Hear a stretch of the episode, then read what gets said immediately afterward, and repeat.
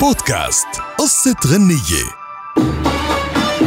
قصة غنية لليوم عن واحدة من روائع المكتبة الموسيقية العربية. أغنية في يوم وليلة للجمهور العربي كله حافظها.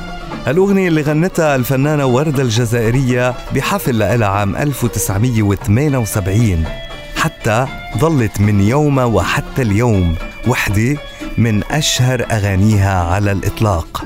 وأكيد هالأغنية محفورة بوجدان ومحبي الأغنية العربية ولكن كتار ما بيعرفوا قصة هالأغنية وشو صاحب ظهورها من اختلافات. الأغنية اللي كتب كلماتها الشاعر حسين السيد ولحنها الموسيقار محمد عبد الوهاب موسيقار الأجيال طبعا. القدر كان هو صاحب الكلمة الأخيرة وهو من أهدى هالأغنية للفنانة وردة الجزائرية بعد ما كانت بالأساس من نصيب الفنانة السورية ميادة الحناوي واللي كان موسيقار الأجيال عم بجهزها ليكون حفل اكتشافها بتلك الأغنية.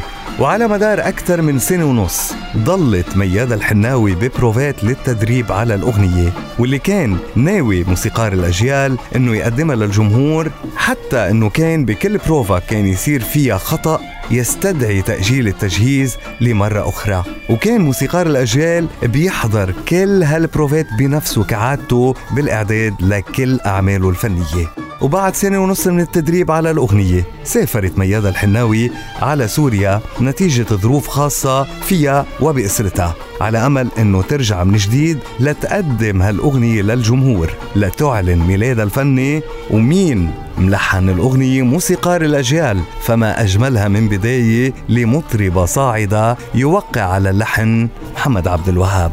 ولكن فترة سفرها طالت لأكثر من سنة.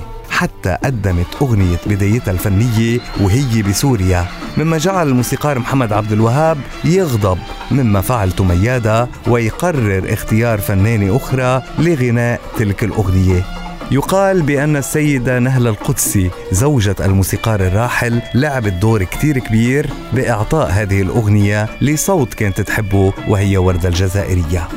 وبالنهاية استقر موسيقار الأجيال على اختيار وردة لغناء في يوم وليلة. واللي سألته عن سبب عدم غناء ميادة الحناوي لهذه الأغنية اللي كانت عم تجهز نفسها لتقديمها فأخبرها بأنه ظروف سفرها منعتها من غنائها حتى طلبت وردة تغيير بعض كلمات الأغنية وخاتمتها وهو الشيء اللي وافق عليه موسيقار الأجيال مع أنه كان معروف بأنه ما بيستجيب لطلبات أي فنان بتغيير بعض الكلمات أو حتى الجمل الموسيقية.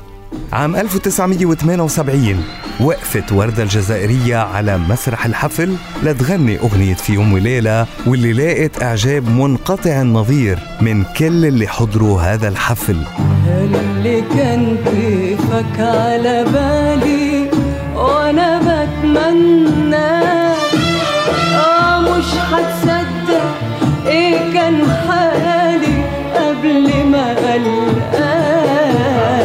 وحتى اليوم تغنى هذه الأغنية على أنها وحدة من أجمل الأغاني العربية على الإطلاق ورح تضل هالأغنية اللي أهداها القدر إلى وردة الجزائرية لأنه لولا سفر ميادة الحناوي ما غنتها وردة الجزائرية. ولكن الجميع أجمع على أنه وردة الجزائرية غنت هذه الأغنية بكل اقتدار وبكل احتراف وبكل إحساس. هذه كانت قصة في يوم وليلة. تحية لكل اللي عم بتابعونا على بودكاست الرابحة. بودكاست قصة غنية.